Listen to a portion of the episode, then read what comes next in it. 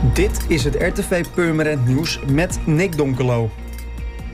De politie heeft zaterdagavond 24 juli twee tieners van 16 en 17 jaar oud op hete daad aangehouden. De jonge mannen wilden inbreken in een woning aan het struisgras, maar werden in de bosjes van het Mandelenpad in de kraag gevat.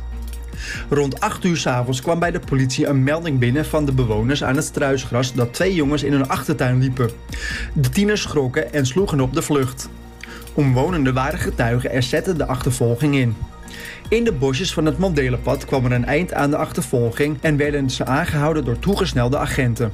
Het tweetal is overgebracht naar het politiebureau.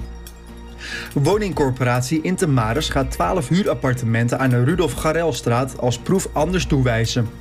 Niet op de gebruikelijke manier op basis van inschrijftuur, maar op basis van persoonlijke motivatie. Intermaris zoekt bewoners die om willen kijken naar de buren, bewoners die samen met het flatteam activiteiten willen organiseren en bewoners die een bijdrage willen leveren aan het behouden van een goede sfeer en veilige omgeving. Het is voor het eerst dat Intermaris zo te werk gaat.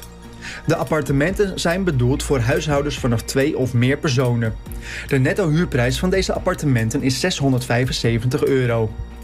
Eind augustus komen de huurappartementen op Woonmatch en kan je je motivatie indienen. Een commissie gaat zich buigen over de ingezonden motivaties. In oktober wordt door de commissie de geselecteerde huurders van de 12 appartementen bekendgemaakt. Vervoerders, Connection, ABS en GVB zetten vanaf morgen vier regenboogvoertuigen in naar aanleiding van Pride 2021.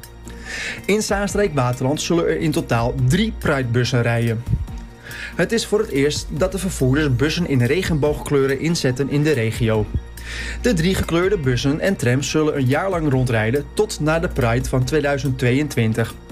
Voor meer nieuws, kijk of luister natuurlijk naar RTV Purmerend, volg je onze socials of ga naar onze website. Dat is www.rtvpurmerend.nl